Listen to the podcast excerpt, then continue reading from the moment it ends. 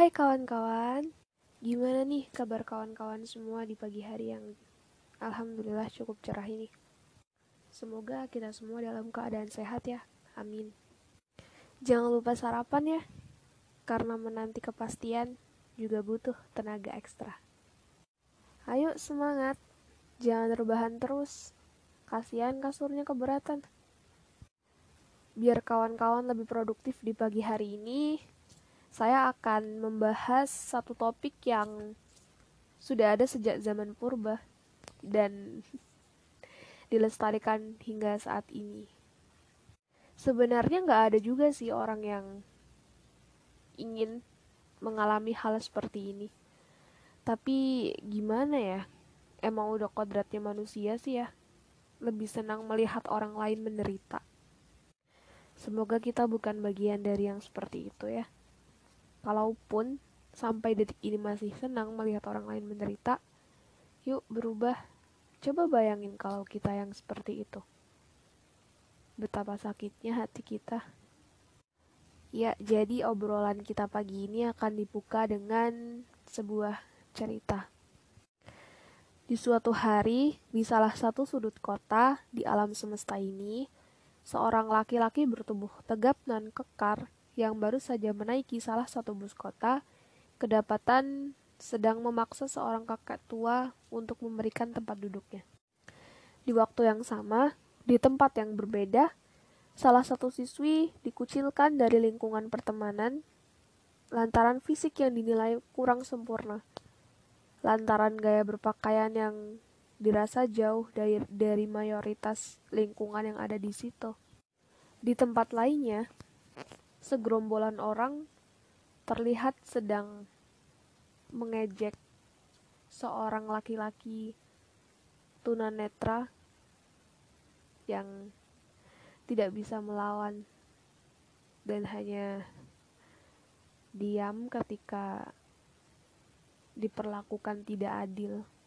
Kejadian-kejadian sosial yang serupa atau bahkan lebih buruk dari contoh yang tadi saya ceritakan di atas pasti pernah kita jumpai atau bahkan kita alami dalam kehidupan sehari-hari yang kalau dipikir-pikir miris juga dan kasihan. Kasihan karena si korban tidak bisa melakukan apa-apa dan akhirnya cuma bisa mikir. Iya ya, bener juga. Dia bener kok bilang aku punya kekurangan dia bener kok. Dia nggak salah kok bilang aku begini bilang aku begitu. Dan akhirnya cuma bisa ngejatuhin mental seseorang dengan tindakan-tindakan yang dilakukan. Sebenarnya yang kayak gini sehat gak sih? Gitu kan pertanyaannya. Sebenarnya yang kayak gini nih wajar nggak sih? Gitu. Btw ya dalam lingkungan pertemanan atau dalam lingkungan masyarakat bisa jadi kita yang dijadikan objek fenomena ini atau bahkan justru kita yang jadi subjeknya. Kita yang ngerendahin orang lain kita yang bersikap gak adil sama orang lain kita yang ngebully orang lain kita yang ngerasa diri kita lebih baik dari orang lain dan menilai kekurangan orang lain sebagai sesuatu yang patut menjadi alasan untuk kita ngucilin dia dari lingkungan pertemanan. Karena budaya yang kayak gini nih dapat berkembang tanpa kita sadari. Dapat berkembang gitu aja tanpa kita mikir kalau kita lagi ngelakuin pembulian terhadap orang lain dan itu berefek buruk kalau kita ngelakuinnya terus-terusan dan itu juga ngebuat keadaan jiwa kita nggak sehat karena kita terbiasa buat nyakitin orang lain, buat nindas orang lain gitu. Bahkan kejadian-kejadian pembulian yang kayak gini tuh nggak cuma terjadi di lingkungan yang besar, yang cangkupannya sosial masyarakat, yang cangkupannya ruang kelas atau sekolah, yang cangkupannya universitas atau mungkin dunia pekerjaan. Tidak kejadian atau fenomena fenomena yang kayak gini ini juga terjadi di circle pertemanan yang lebih kecil atau mungkin cangkupan lingkungan yang lebih kecil yang seharusnya kita dapat perlindungan dan kasih sayang di sana. Contohnya di keluarga. Entah itu keluarga yang beranggotakan kedua orang tua dan saudara-saudara kita atau juga keluarga besar yang beranggotakan sepupu kerabat-kerabat lain yang lebih jauh dan lebih besar daripada sebuah keluarga yang beranggotakan empat orang atau lima. Jadi, sudah benarkah tindakan dan sikap kita selama ini? Coba periksa lagi bareng-bareng yuk. Kata-kata yang udah kita keluarin itu nyakitin orang lain gak sih sebenarnya? Tindakan kita yang kita, udah kita lakuin selama ini itu ngebuat orang lain ngerasa dirugiin gak sih? Tersakitin gak sih? Ngerasa disisihkan dari lingkungan pergaulan gak sih? Kalau jawabannya iya, maka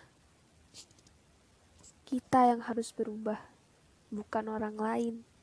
Karena sikap dan tindakan pembulian seperti ini tuh terjadi bukan salah orang lain gitu bukan salah dia yang punya kekurangan atau dia yang gak sama dengan kita tapi terjadi karena pribadi kita yang bermasalah.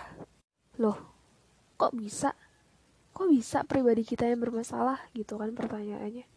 Ya coba kita bayangkan coba kita pikirkan sekarang. Kehidupan akan lebih damai dan indah ketika satu sama lain saling menghargai. Bukan salah dia yang punya kekurangan kok, tapi salah kita yang gak bisa menghargai dan menerima kekurangan orang lain. Atau mungkin salah kita yang tidak bisa atau kurang bisa menerima kekurangan diri kita sendiri. Biasanya ya, biasanya. Orang yang suka membuli orang lain itu punya masalah kejiwaan dirinya sendiri.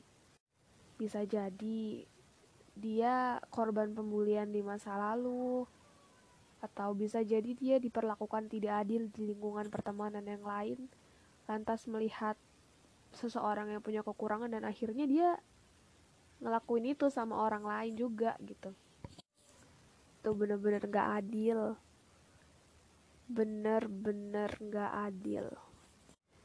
Ingat, ingat kawan-kawan, Tuhan telah menciptakan kita dengan bentuk yang sebaik-baiknya jadi ciptaan Tuhan itu nggak ada yang salah, ciptaan Tuhan itu nggak ada yang keliru, nggak ada yang buruk. Segala pandangan buruk itu datang dari pemikiran dan perasaan manusia itu sendiri. Kalau kita ngejek atau membuli orang lain hanya karena fisiknya yang nggak sama sama diri kita, itu artinya kita nggak ngehargain ciptaan Tuhan itu artinya kita nggak bersyukur sama apa yang udah Tuhan ciptakan. Padahal udah jelas banget, setiap orang diciptakan dengan kesempurnaan. Dan emang rupa setiap orang beda-beda ya, karena emang Tuhan yang nunjukin kebesarannya gitu. Coba bayangin kalau muka kalian sama kalau bentuk fisik kalian sama tinggi badan kalian sama bentuk rambut kalian sama warna kulit kalian sama apa yang bakalan terjadi? Kalian gak bisa ngenalin satu sama lain. Kalian gak bisa ngehargain perbedaan. Kalian mungkin bahkan gak tahu apa itu definisi perbedaan. Bukan dia yang salah tapi hatimu yang salah menilai, matamu yang salah melihat, dan perasaanmu yang buruk. Bukan dia yang salah, tapi kamu yang harus berbenah, yang harus belajar menghargai orang lain, yang harus belajar menghargai perbedaan yang sudah ditetapkan Tuhan. Ucapan yang selama ini kamu katakan, perbuatan atau tindakan yang selama ini kamu lakukan, entah itu bentuk kekerasan, entah itu bentuk pelecehan, atau penindasan terhadap orang lain, itu sebenarnya perlahan-lahan ngerubah mental seseorang jadi lebih buruk dari sebelumnya. Perkataan yang keluar dari bibirmu itu selama bertahun-tahun atau mungkin dalam jangka waktu yang lama bakalan ngebuat orang lain kehilangan kepercayaan dirinya. Dan itu buruk banget kawan-kawan. Itu bener-bener kejahatan paling jahat. Padahal kan tugas kita memanusiakan manusia. Maka tidak seharusnya kita melakukan hal yang seperti itu. Bila ingin dihargai, maka hargailah orang lain. Tetaplah berbahagia, selalu bersyukur, jangan lupa cuci tangan, pakai masker, jauhi kerumunan karena pandemi belum berakhir. Jaga diri baik-baik ya kawan-kawan. Kalau bukan kita yang ngejaga diri kita, terus siapa lagi? Jomblo kuat, jomblo sehat. Salam hangat, Rosantin.